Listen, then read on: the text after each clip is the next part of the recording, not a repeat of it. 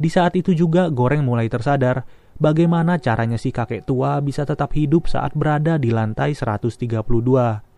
Ia pun mulai mencurigai sebenarnya ke mana teman satu sel kakek terima kasih, apalagi saat Goreng belum berada di penjara ini. Dari pemikiran itu, sudah jelas kakek terima kasih memakan teman satu selnya sendiri. Apalagi ia memilih sebuah pisau saat masuk ke penjara ini. Tidak lama dari itu, lift makanan sudah datang ke lantai mereka dan terlihat seorang wanita yang sedang terduduk. Wanita itu ternyata bernama Miharu dan memang sering menumpang ke dalam lift makanan. Entah apa tujuannya, tapi kakek terima kasih berkata bahwa Miharu sengaja turun ke lantai bawah untuk mencari anaknya yang hilang. Kakek itu juga berkata bahwa Miharu selalu membunuh teman satu selnya agar bisa meningkatkan peluang untuk berada satu sel dengan anaknya.